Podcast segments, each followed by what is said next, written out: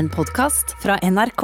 Åsne Seierstad er en prisvinnende forfatter, journalist og en av Nordens mest kjente krigskorrespondenter.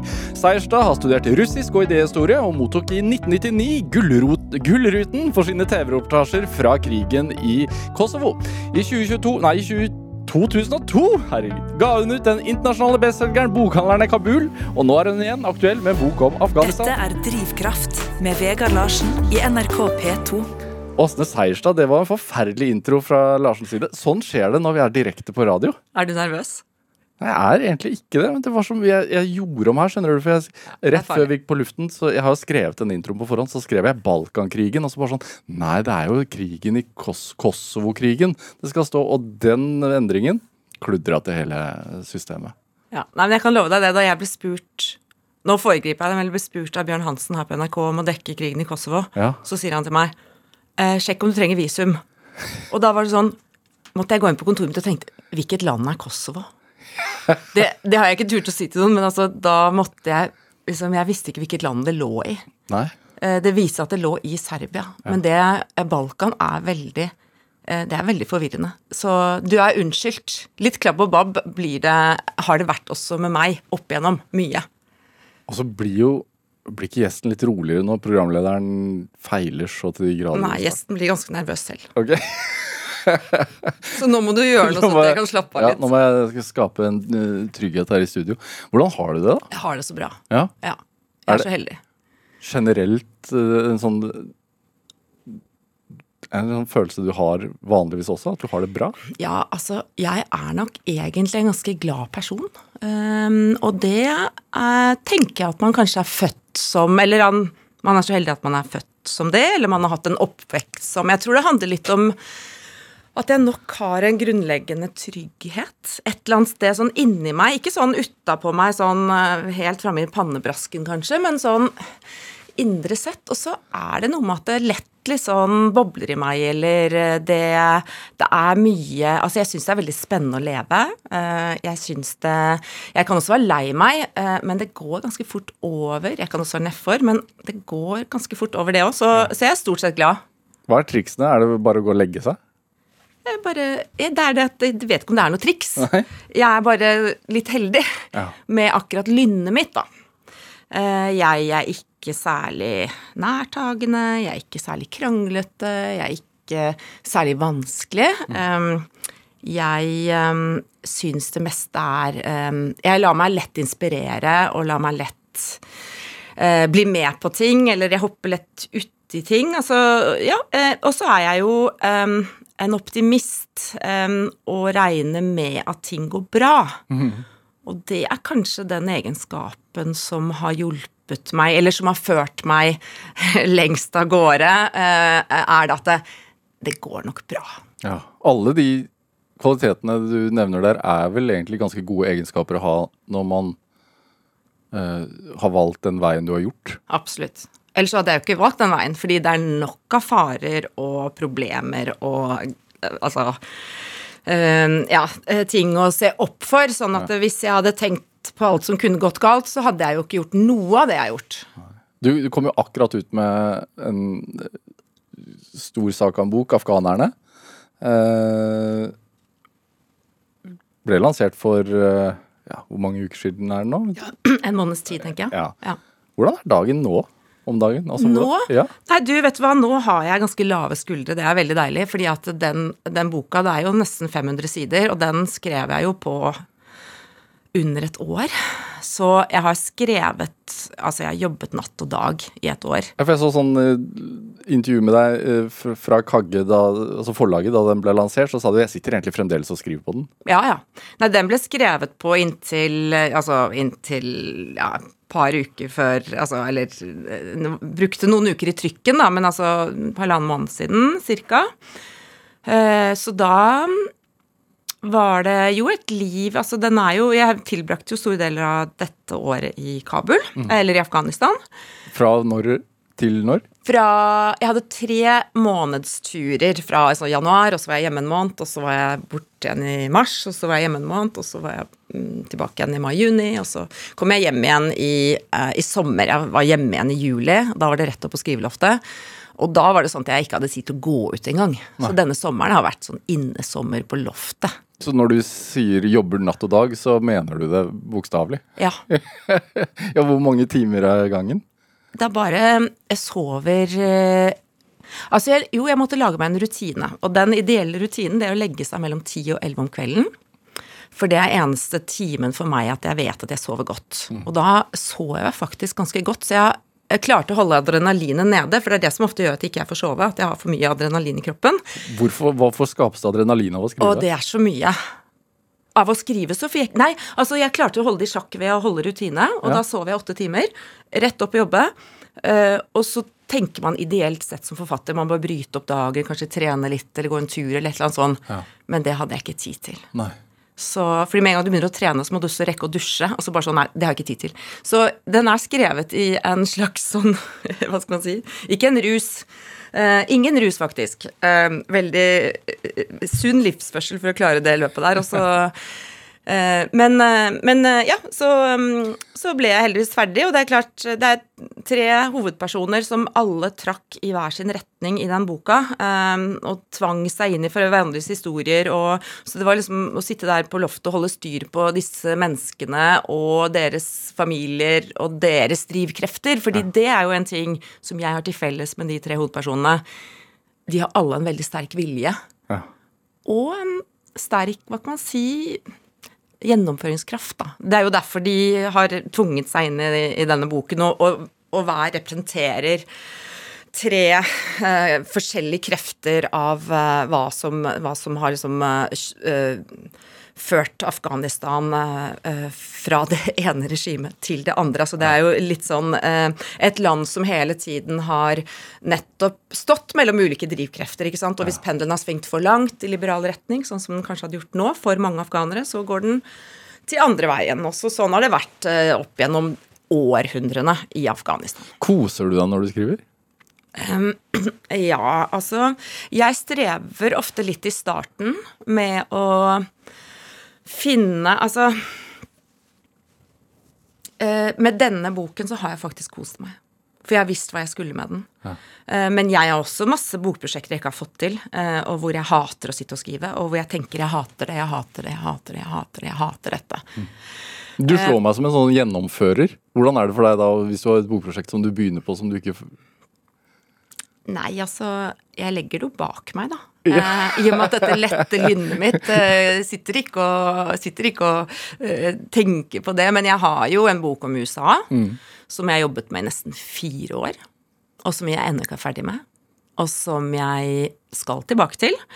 men som jeg ikke fikk til. Og det kan man si Det var veldig rart. Jeg jobbet jo med en bok om USA da Taliban tok over Kabul. Og tenkte jeg skal i hvert fall ikke dit, jeg holder jo på med en bok om USA. Eh, men så ble jeg jo plutselig oppringt fra hele verden, fra CNN, fra BBC, fra alle mulige, som sa eh, Kan du fortelle om eh, liksom, eh, Please comment liksom, on uh, Taliban takeover in Kabul. Og så er det sånn jeg har ikke vært der i 20, på 20 år. Nei, det kan jeg ikke kommentere. Så det var veldig rart hvordan bokhandleren i Kabul ble et sånn referanseverk over hele verden som gjør at de tenker at jeg er sånn Afghanistan-ekspert. Ja. Så det kommenterte jeg ikke på internasjonalt. Men så var det noen som maste litt ekstra. Eh, på, og da endte jeg opp med å skrive et essay som både var litt tilbakeskuende eh, på liksom, hva som har skjedd disse siste 20 årene. Og da var jeg på en måte i gang. Eh, og da var det litt interessant hvordan jeg har strevd med USA i fire år. Og så kommer jeg til Afghanistan, og så bare går det på skinner, og jeg vet hva jeg vil. Og jeg vet hva jeg skal, og jeg vet hva jeg leter etter. Så det med USA kan jo handle om at det, det, det er så mange som skriver om USA. Eh, Det er, Vi vet så mye om USA, egentlig. Eh, I løpet av de fire årene Først skulle boken selvfølgelig handle om Trumps Amerika, så rakk jeg jo ikke det helt, for det tok jo Biden over. altså ikke sant? Og så, så jeg var innom eh, så mye forskjellig, eh, forskjellige ting, og jeg jobbet på en diner nede i Alabama. altså Det var jo utrolig interessant, og jeg skal tilbake til det, men, eh, men, eh, men så kom bare Taliban og bare endret Men- livet mitt. Men mange journalister, hvis de hadde fått en telefon fra CNN og spurt sånn, kan du kommentere på noe, ville jo øh, ja, som man sier, latt seg, selv om man kanskje ikke hadde ekspertisen helt på stell øh, her og nå, ville man jo blitt litt sånn smigret av det og gjort det. Hvorfor ville du ikke det? Jeg hadde ikke noe klokt å si om det. Nei. Hvorfor er det så viktig at du føler at du er At du har hva skal man si, undersøkt godt nok og har ditt på stell? Jo, det er jo veldig viktig, fordi at eh, jeg har ikke lyst til å være der eh, Here we go to Oslo. og så blir du spurt ja, når var du sist i Afghanistan? Nei, det er 20 år siden. så nei, nei, nei, det er åpenbart. Det kunne jeg ikke si noe om. Det er mange som, det er mange andre som kunne si noe klokt om det. Ja. Er det Når du Du har stamina, for det, det har jeg fått med meg sånn med, når det gjelder idrett og sånn. Gå lange skiturer. Er det litt som det når du begir deg ut på et skriveprosjekt? Altså, skiturer er jo frihet for meg. Det er jo hvile, på en måte. Det er jo Det er da hodet mitt uh, har det eh, best sånn uh, Altså Da har hodet høyest hvilepuls når jeg kan gå på ski.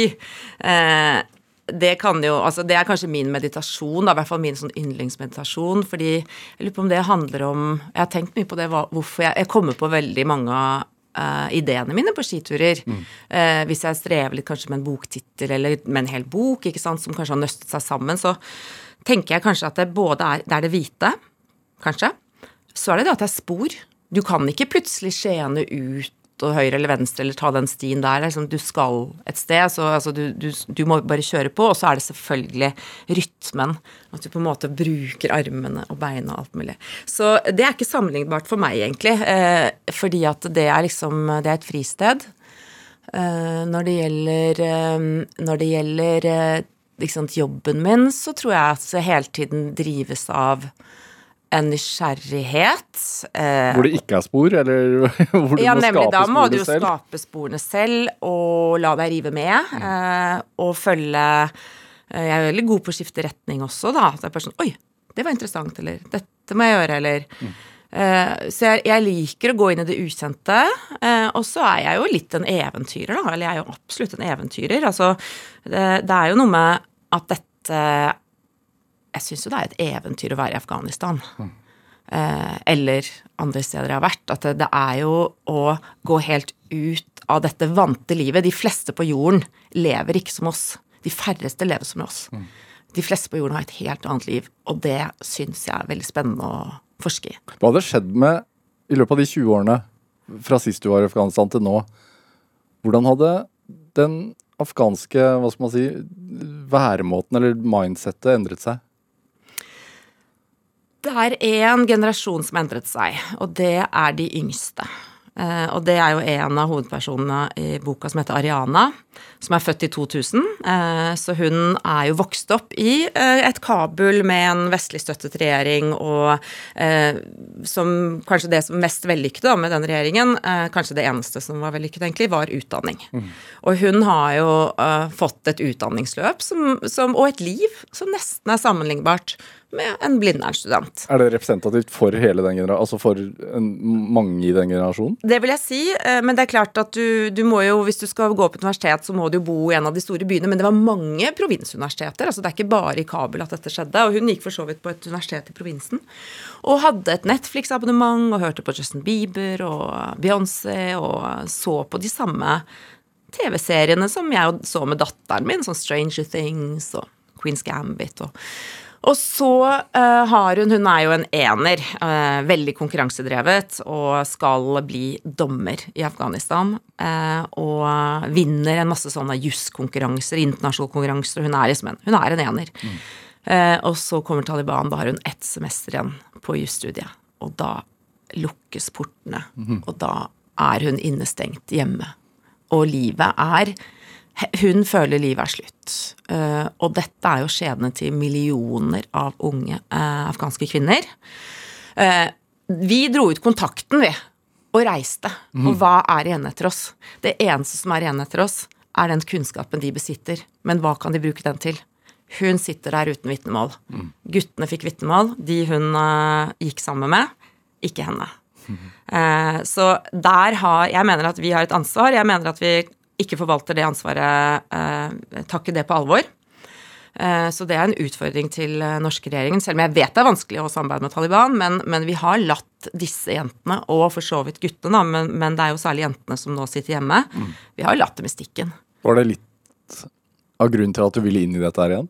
Ja, altså saken var at eh, jeg dro til Afghanistan for å bli kjent med Taliban. Ja. Så min drivkraft, eller min idé, eh, var å finne en talibaner. En høyt på strå-talibaner. For at jeg var ikke så interessert i fotfolket, men liksom Hvordan ble han slik? Hvordan ble hans ideer formet? Hvordan, eh, hvordan det verdenssynet hvordan, hvordan ble han slik han er? Så jeg hadde ikke noe tanke om å ha med en, en ung student, men jeg møtte henne, og hun bare tvang seg inn i boka. Og jeg skjønte det er jo henne alt dreier seg om. Så de er jo, sant, de er jo hver sin motpol, da. Og jeg husker jeg spurte han Taliban-kommandanten om henne. Eh, og da sier han ja, men du vet det, men eh, beklager, men det er ingen plass for utdannede kvinner i Afghanistan. Foreldrene hennes bør finne en ektemann til henne. Og det er det de holder på med. Ehm, og det er jo uh, hennes bestemmelse er ikke å bli lykkelig, det er å giftes. Og det er noe hun uh, på en måte hun eh, sier akkurat det samme som Camilla Collett eh, sa eller skrev for 150 år siden i Norge. Eh, at eh, foreldrene bryr seg ikke lenger om hva hun vil, hva hun ønsker, om hennes lykke, lykke, fordi de, fordi de er redde for henne. Eh, De er redde for at Taliban skal komme og tvangsgifte henne, så de vil heller tvangsgifte henne selv. Så det er interessant hvordan den afghanske middelklassen, som hun kommer fra, også blir talibanisert. Så den utviklingen som har vært der de siste 20 årene, den er, har vært på overflaten. Det er et ferniss. Det er nesten, kan se på det litt som kosmetikk. Lett å vaske av. Og nå er det helt andre ting som påvirker eh, eh, liksom, også de menneskene som på ingen måte er Taliban. Faren har jo mistet jobben pga. Taliban, for han var jo byråkrat i Forsvarsdepartementet. Men nå har han blitt en hustyrann hjemme. Hva tenker du om det at vi på ingen måte retter noe fokus mot Afghanistan i dag? Altså, vi, vi, vi, vi ser på andre konflikter. Vi har ikke, Afghanistan er jo et glemt kapittel egentlig i allmennheten. Absolutt. Det er dårlig samvittighet. Og det er at vi har feilet. Og igjen, eh, hvis jeg kan få lov å si noe om statsministeren, er det lov? Kan man være kritisk i drivkraft? Ja, han er, Er det Dagsnytt 18 jeg er på? det er- det er ingen her som eh, kan forsvare seg, men eh, Nei da. Men du, eh, faktisk, jeg møtte Jonas Gahr Støre på skitur. Eh, og så sa jeg Nei, men eh, dagen før jeg skulle dra til Afghanistan, faktisk. Til Kabul. Og så, så sa jeg at jeg skulle dit, så sa han Men hvorfor drar du ikke til Ukraina? Jeg trodde du skulle dra til Ukraina nå. Nei, jeg skal til Afghanistan. Så prøvde jeg tre ganger å snakke med han om Afghanistan. Og han ville enten Han syntes jeg burde dra til Ukraina, så ville han snakke om blåsvekst og skiturer. Så da bare skjønte jeg at det, Jonas Gahr Støre han vil ikke snakke om Afghanistan. Og det, jeg, Af, altså Jonas Gahr Støre vet masse om Afghanistan. Jeg har hatt mange samtaler med han om Afghanistan tidligere, altså for 20 år siden og så opp igjennom. Men jeg tror Det gjelder han, det gjelder Espen Barth Eide, det gjelder Anniken Huitfeldt. Altså, eh, de har Jeg tror at eh, Og selvfølgelig også forrige regjering, men det er nå de som styrer nå, at det er et traume. Det er et politisk traume. Tenk så mange trillioner dollar og milliarder norske kroner vi har brukt i Afghanistan. Så står det ingenting igjen etter oss. Og så kan man spørre seg hvor har refleksjonen vært i forhold til Kunne man gjort et tankeeksperiment? Alle de pengene vi har brukt på krig i Afghanistan i 20 år. Tenk hvis man hadde tatt den samme pengesummen og tenkt at du skulle bruke den på fredsskapende tiltak. Så kan man definere det som sant, infrastruktur, eh, utdanning, helse, arbeidsplasser. Det er utrolig mange som har vervet seg til Taliban av disse to grunnene. Motstand mot Vesten, ikke sant, for de føler seg okkupert. Eh, og manglende eh, Ikke noe annet å drive med. Det, Afghanistan produserer jo ingenting. Det, altså, det er et jordbruksland, men, men har vi bygd opp noen fabrikker? Har vi tenkt at for å lage et levedyktig samfunn, så må, vi ha, så må folk ha arbeidsplasser? Så ikke sant, den der, den, Da blir det plutselig en enorm pengepott som man kunne brukt. Liksom, hvor er refleksjonen på hva vi har gjort galt? Den har ikke jeg sett dette siste året. Man har glemt det, og det har ikke med Ukraina å gjøre, for det skjedde før Ukraina. Det skjedde etter noen uker. Så det er en dårlig samvittighet, tror jeg, eller, eller- en Hva skal man si? Eh, man har mislykkes. Og så vil man ikke gå inn og se. Sant? Det, som, det vi sitter igjen med, er jo et, et, et, eh, eh, altså et profesjonalisert forsvar. Et, et, et forsvar som har fått trent seg opp på, på nye våpen, på på masse operasjoner som eh, Så de har blitt profesjonalisert, og vi sitter igjen med mye. Men afghanerne, som Mariana, sitter ikke igjen med nesten noen ting. Hvem sitter og mesker seg med seieren? Bashir. Nå akkurat nygift med sin tredje kone på 16 år. Det er de som vi har klart å gi makten i Afghanistan. Dette er Drivkraft med Vegard Larsen i NRK P2. Og i dag er journalist og forfatter Åsne Seierstad her hos meg i Drivkraft på NRK P2. Du ble engasjert nå. Ja. Og, ja. Nei, men eh, Det er synd at ikke jeg kan si 'klipp bort det', men jeg, står for det, jeg står for det jeg sa, liksom. Ja. Og Nei, alt dette kunne jeg sagt direkte til personene også, så jeg, Ja. den, den tar jeg. Og ingen er her for å Nei kunne forsvare seg heller, så Men alle det får vi ta en annen har, gang. Eh, hvis noen da kjenner sin besøkelsestid og har en prat om Afghanistan et annet sted. Det kan jo være. Eh, men denne, dette engasjementet, Seierstad. Er du født sånn? Er, du, er det kulturen eh, i, i barndomshjemmet som har skapt den? Jeg tror jeg er født sånn. Um, Er altså- søsknene dine sånn? Nei. Nei. Vi er veldig forskjellige alle sammen. Eh, Jeg har en storesøster som er eh, lege, og som er veldig flink og veldig ordentlig og veldig Altså fikser alt. Eh, og så har jeg en lillebror som er eh, Han er både doktorgrad i matematikk, i statistikk, han har tatt juss, han jobber med kunstig intelligens, han er eh, altså hyperintelligent. Og så er det et rotehue i midten der.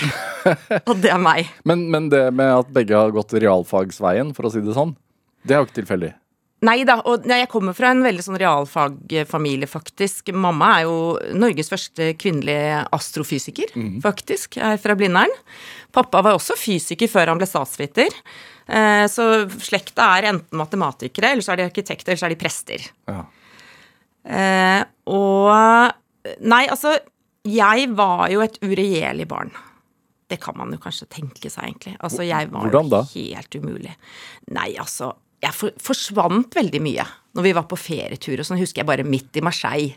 Forsvant, jeg gjemte meg, de holdt på i timevis og lette etter meg. Eller hvis eksempel vi var på fjelltur og pappa sa vi skal ikke kjøre ned der, det er farlig, ikke kjøre ned der, det er farlig, så snudde han ryggen, så var jeg allerede nede. Ja.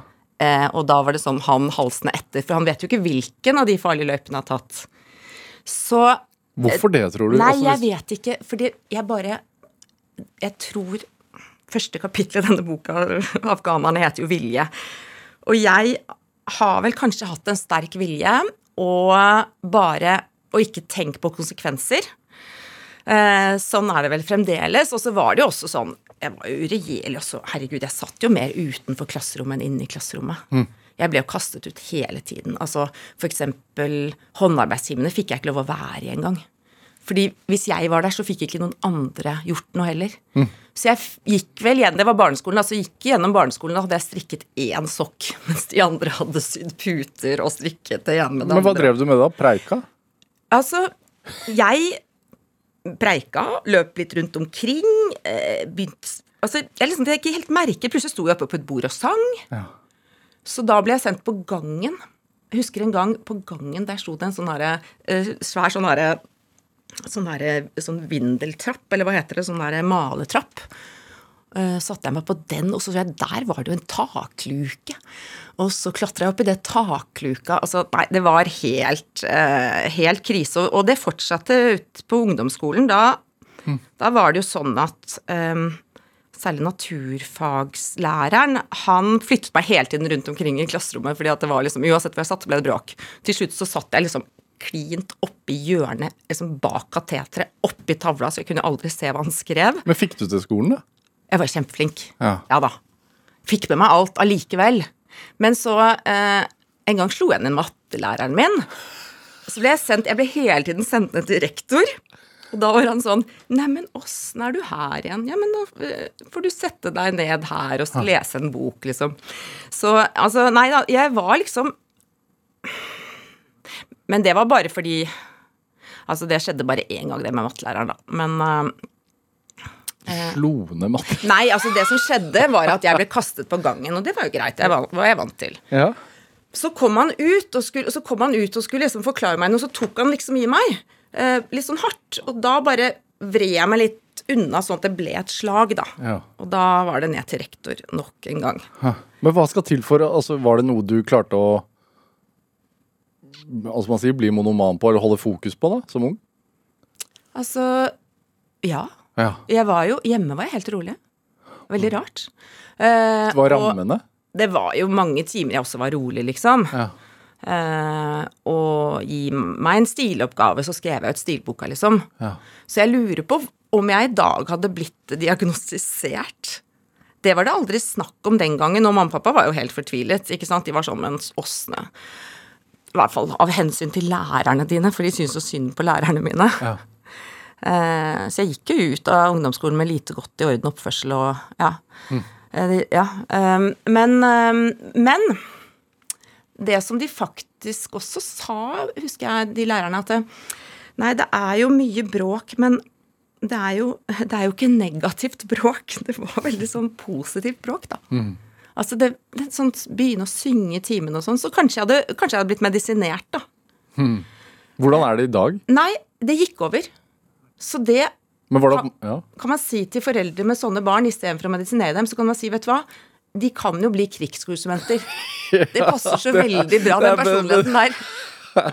Det er betryggende. Ja. Slapp, det slapp, og det kommer til å ordne seg. De kommer til å oppsøke konflikter resten av livet. Det, Ja. Er det Nei, men det kan være at jeg manglet Jeg skjønte ikke helt hva jeg gjorde der. Jeg visste ikke hvor jeg skulle. Det blir litt som den USA-boka mi, at jeg bare sånn holder på, får det ikke til. Eh, og så, eh, med en gang jeg var ferdig på skolen og kunne velge selv, Ja. så har det gått kjempefint. Men det med, det med engasjementet, samfunnsengasjementet øh, Sier at både moren og faren din er fysikere, øh, men også veldig engasjert. De er veldig politiske. Altså, Moren min er jo eh, Hun er den som skrev Norges første feministiske bok, ble den anmeldt som i Aftenposten. Norges første eh, feministiske ungpikebok. Ja, Frøydis Guldal. Ja. Frøydis Guldal, 'Jentene gjør opprør'. Ja. Og det handler jo om at uh, jenter sant, dette var begynnelsen av 70-tallet, skal liksom gjøre det samme som gutter, og den kampen der. Og den ble jo Det ble laget TV-serie i SVT i Sverige, den ble oversatt til en masse språk. Uh, så mamma er feminist, pappa er sosialist, og det er klart at det har preget uh, min oppvekst. Eh, med med ja, 8. Mars-tog og 1. mai-tog og, og solidaritetsaksjoner eh, for alle mulige konflikter i hele verden. Politisk teater. Eh, vi var jo også ikke sant, miljøvern lenge før det var noe alle tenkte på. Vi har jo aldri hatt bil. Vi syklet rundt omkring, vi tok bussen, vi gikk, var på tur hele tiden. Eh, ikke hadde vi TV, eller vi hadde, vi hadde svart-hvitt-TV, men vi så ikke. Eh, ikke sant? Aldri mandag morgen så kunne ikke jeg snakke om noen av de programmene som var til helgen, for vi så aldri på de programmene. Det var kanskje for å se på nyhetene eller barne-TV, da, akkurat.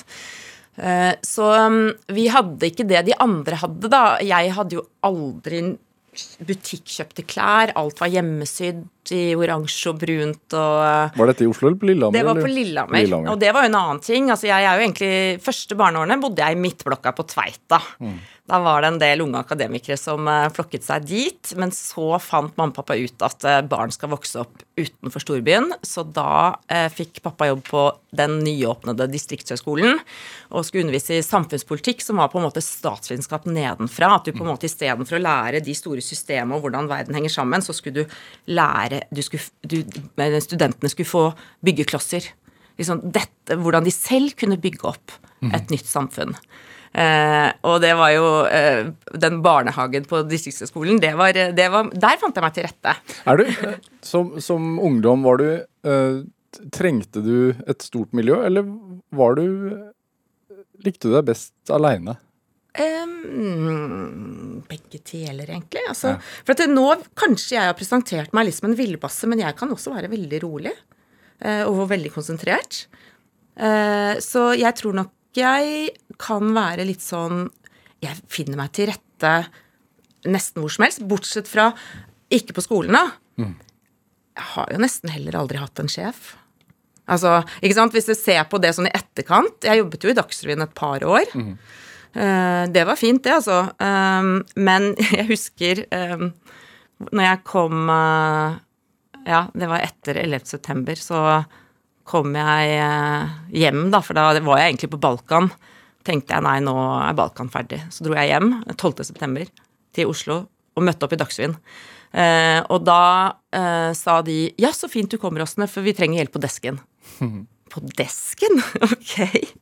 Det holdt jo bare i noen dager før jeg dro på egen hånd. Generell autoritetsangst, eller? Ikke angst. Nei, men ikke noe glad i autoriteter? Uh, nei, men jeg syns, ofte jeg har bedre ideer selv. ja. Så derfor er ikke jeg en god ansatt. Så dette er jo ikke et jobbintervju. Ikke ansett meg. Jeg bare finner på noe helt annet. Åse Seierstad, vi skal spille litt musikk. Uh, Du ga meg uh, Jeg spør jo om dette er på forhånd. Kan du komme med noe musikk eh, som vi kan spille? Og du ga meg valget mellom to låter som faren til barna dine, Trygve Seim, har skrevet. Et, han skrev to låter etter hvert barn. Eh, og du sa jeg klarer ikke å velge. Og det, det klarer man jo ikke, for det blir jo litt som å velge mellom barna sine. Gjør det ikke det? Jo da, nemlig. Um, så jeg har valgt for deg. Um, jeg har valgt uh, låten Sols sang, uh, eller Sols song, uh, rett og slett fordi at uh, låten til sønnen din har flere avspillinger. Så jeg tenker sånn, nå, de skal begge få skinne. Ja, så bra. Er- er ikke det hyggelig? Ja, så rettferdighet er en god drivkraft. Ja, Men, men hva Hva betyr disse låtene for deg? Det er jo låter som ble skrevet uh, mens jeg var gravid, faktisk. Ja. En til Embrik og en til Sol. Uh, så det er uh, Og det er ganske sånne Både er liksom litt sånn alvorstemte sanger, nydelige, men også som lett Altså på en måte Sols sang da blir liksom veldig levende og perlende og boblende etter hvert. Så nei, de, de betyr mye for meg, de to sangene. Her får vi altså Solsang av Trygve Seim.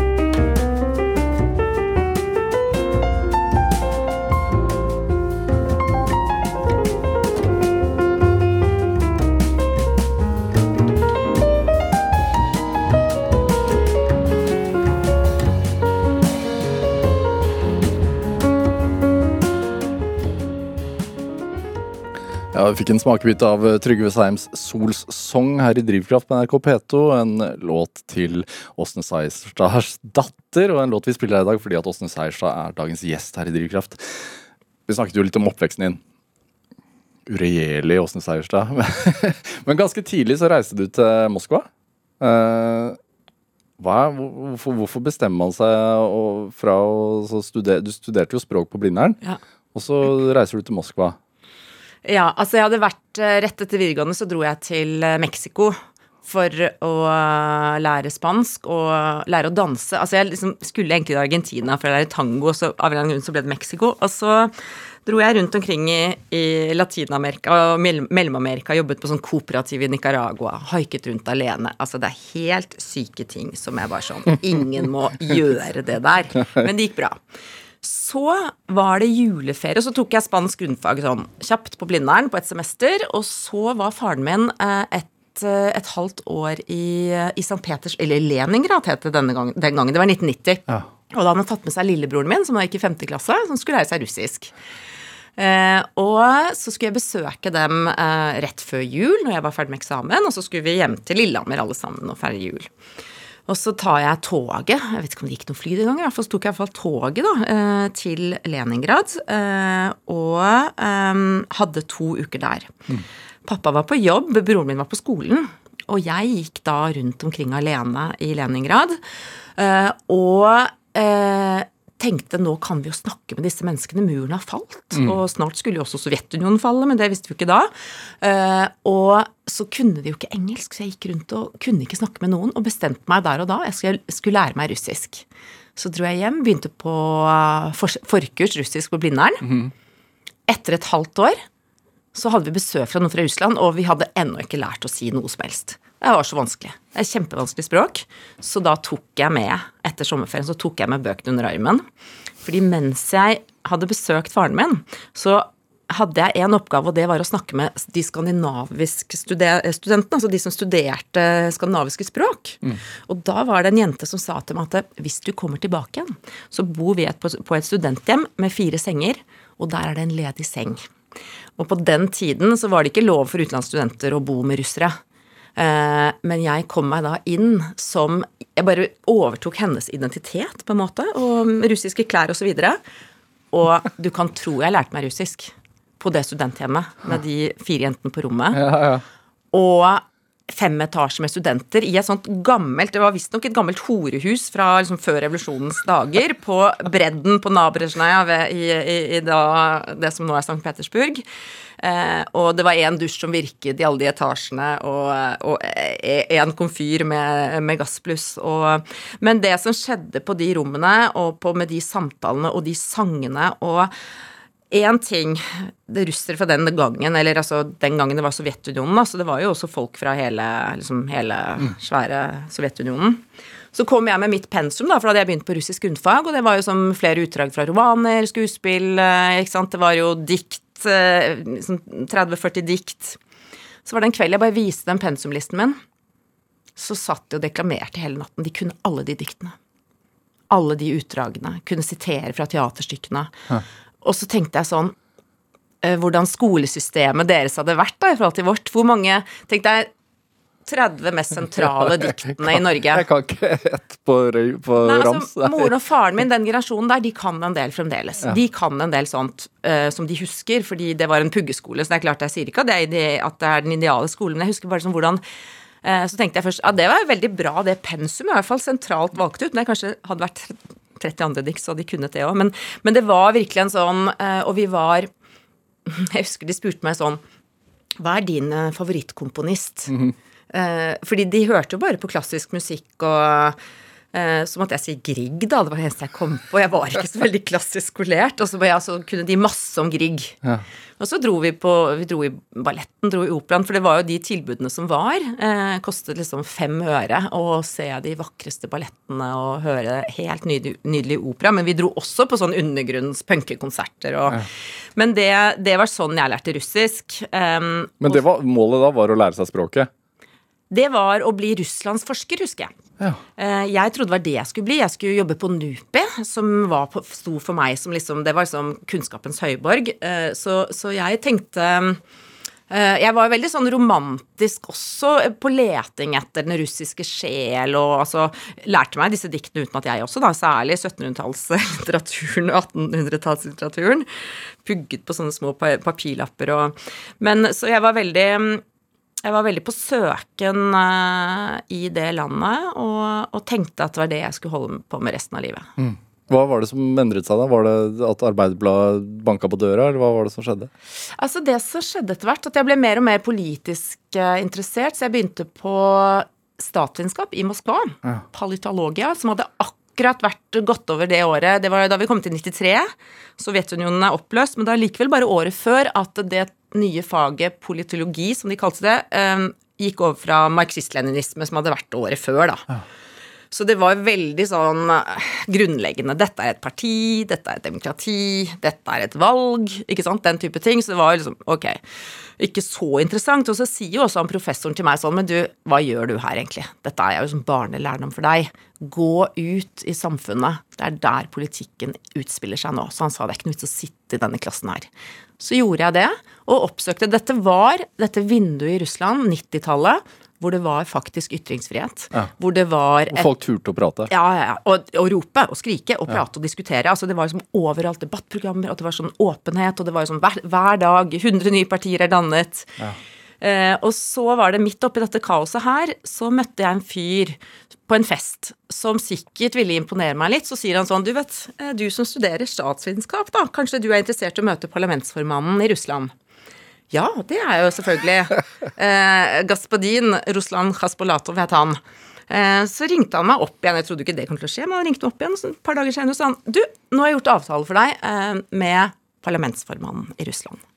Så møter jeg opp på, ved Moskvas elv- elvens bredd, det som heter Hvite hus den gangen, som senere, et halvt år senere skulle bli beskutt Ja. av eh, Jeltsins styrker. Men uansett, vi går opp trappen, og opp trappen så sier han fyren Å, jeg glemte å si til deg at eh, jeg sa til han eh, parlamentsformannen at du er journalist.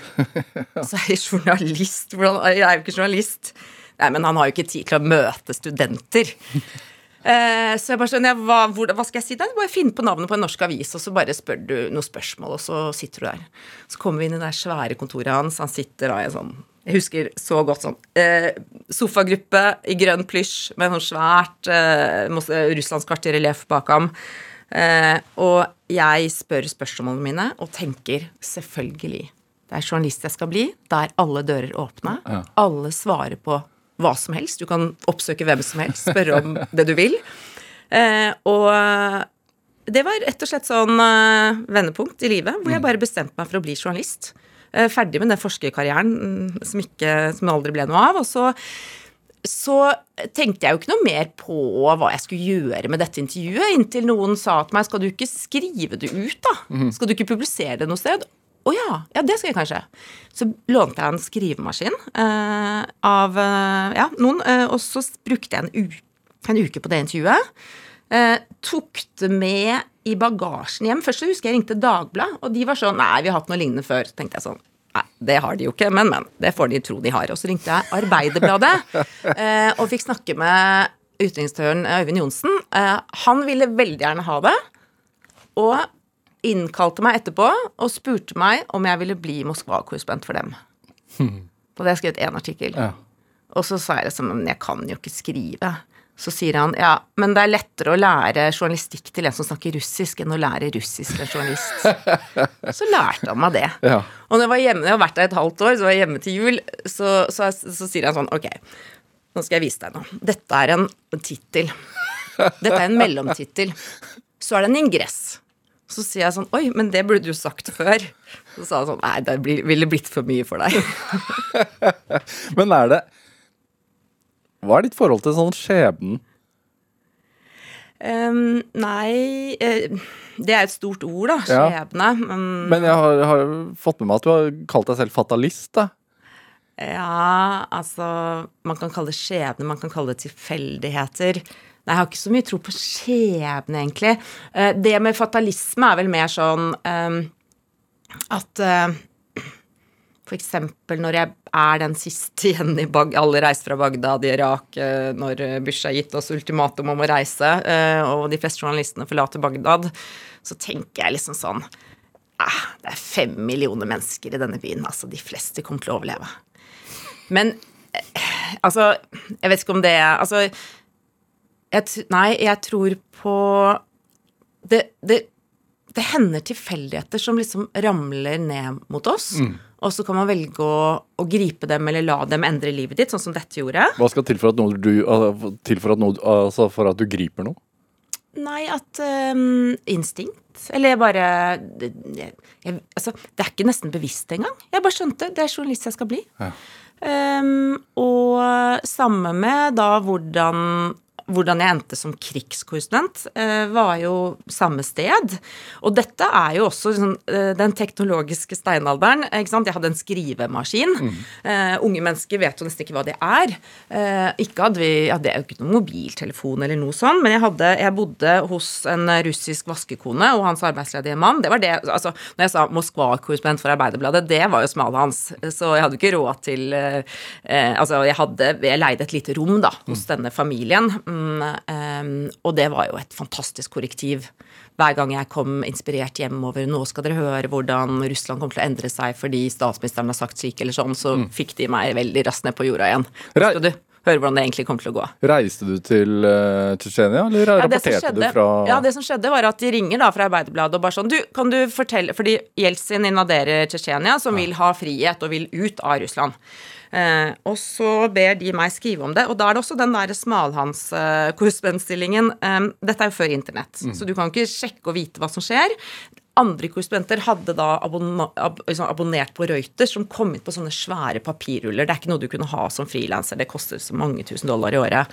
Så mine kilder var da russisk TV og russisk radio og russiske aviser, og som vi vet, med en krig så begynner jo propagandaen, ikke sant. Og det var jo på denne tiden, fra 5-96, at ting begynte å stramme seg til allerede i Russland på det ytringsfrihets... Eh, altså på en måte propagandamessige. Mm. så jeg bare tenkte jeg må dra dit selv, for at jeg klarte ikke å fullføre den oppgaven jeg hadde fått av Arbeiderbladet ved å bare være i Moskva og rapportere. Og da var det sånn, Men hvordan reiser man til en krig? Eh, Jeg hadde jo ikke noe penger, det gikk ikke noe togene sluttet å gå, det gikk ikke noe fly, ingenting. Så jeg møter opp jeg, Av en eller annen grunn så tenker jeg at jeg kan dra til det russiske forsvarsdepartementet og høre om jeg kan sitte på i en bombetransport eller en tropptransport, et eller annet sånt. Så jeg drar dit og kommer meg oppover i korridoren, og etter hvert så møter jeg en fyr som eh, sier til meg Jeg sier jeg vil gjerne Har dere noe plass på et fly til Tsjetsjenia? Til Grosny. Så sier han nei, det vil jeg sterkt fraråde. Uh, nei, men har dere en plass? Nei, det vil jeg absolutt ikke Det vil jeg ikke anbefale å gjøre. Og så spør jeg liksom for tredje gang, og så forsvinner han ut. Så kommer han tilbake igjen med en sånn liten, liten bit gråpapir med noen blyantstreker. Så sier han ok, Domodjedova, som er da den militære flyplassen, i morgen tidlig klokken fem så går det et fly. Dette er billetten din. Så drar jeg dit uten en plan, eh, og sitter da først i det flyet, snur meg, og der er det liksom hundrevis av disse unge russiske soldatene. De samme fjesene som vi ser i dag, men helt sånn kanskje det virket enda yngre sånn uten erfaring, som skal eh, inn og, og å gjøre det som russerne holder på med nå med Ukraina, det ble jo en forferdelig brutal krig. Eh, 10% av tsjetsjenerne ble drept. Altså én av ti av menneskene som bodde der. Nå er det et lite land, én million innbyggere, så 100 000 ble drept. Men når jeg kommer da eh, til Grosny, så får jeg en skuddsikker vest størrelse russisk bjørn og en eh, hjelm. Og så sier de ha det bra, og da ser Altså, da eh, Jeg vet ikke hva jeg skal gjøre. Eh, jeg er helt for meg selv. Eh, kommer meg inn til Gråsen på et eller annet vis og vet at når det begynner å mørkne, så kommer geriljaen inn i byen. Og da eneste jeg kan Det er jo ikke noe steder å bo, ingenting. Men så ser jeg en ung jente som bærer på noe vannspann, så tenker jeg hun er trygg. Så spør jeg henne vet du om et hotell. det fins jo ikke, men hun sier 'bli med meg'. Så blir jeg med henne, og ehm, så begynner liksom eh, kampene den natten, og jeg tenker her, jeg tør ikke gå ut av dette huset. Der er jeg dagsvis. Det er et hus med bare kvinner, fordi alle mennene er, eh, er med geriljaen i fjellene. Mm. Måten jeg kommer meg ut av det huset, er at en av de 17-åringene, en datter, en av døtrene i huset, med mann som kjemper i fjellene, hun skal føde. Så hun har VR, og vi venter på portforbudet skal oppheves. Så jeg bare kaster meg inn i bilen sammen med henne, får lov å bli med til fødeklinikken er med på den fødselen i krigen og møter de andre fødende som ligger der med splintrer i brystene og Altså, det er liksom helt grusomme scener fra det sykehuset. Mm. Men det blir da mitt livs første krigsreportasje. Mm. Det er uh, denne fødselen av en gutt som uh, Hun vet ikke om uh, pappaen lever, han vet ikke at han har blitt far.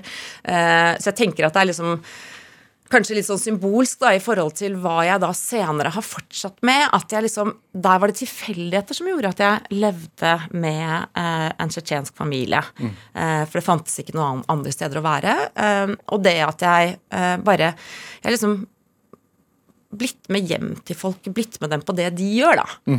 Eh, og så var jeg jo Så ble jo eh, kanskje Tsjetsjenia også for meg en, en det var jo også det som endret mitt syn på Russland, på en måte. ikke sant? Fra å ha det veldig romantiske synet på å liksom lete etter den russiske sjelen og diktene og alt mulig sånn, så, så ble jeg kjent med brutaliteten og nådeløsheten og det med at et menneskeliv mm. ikke betyr noe. Du, eh. du, har skrevet om dette her i bokform også. Er det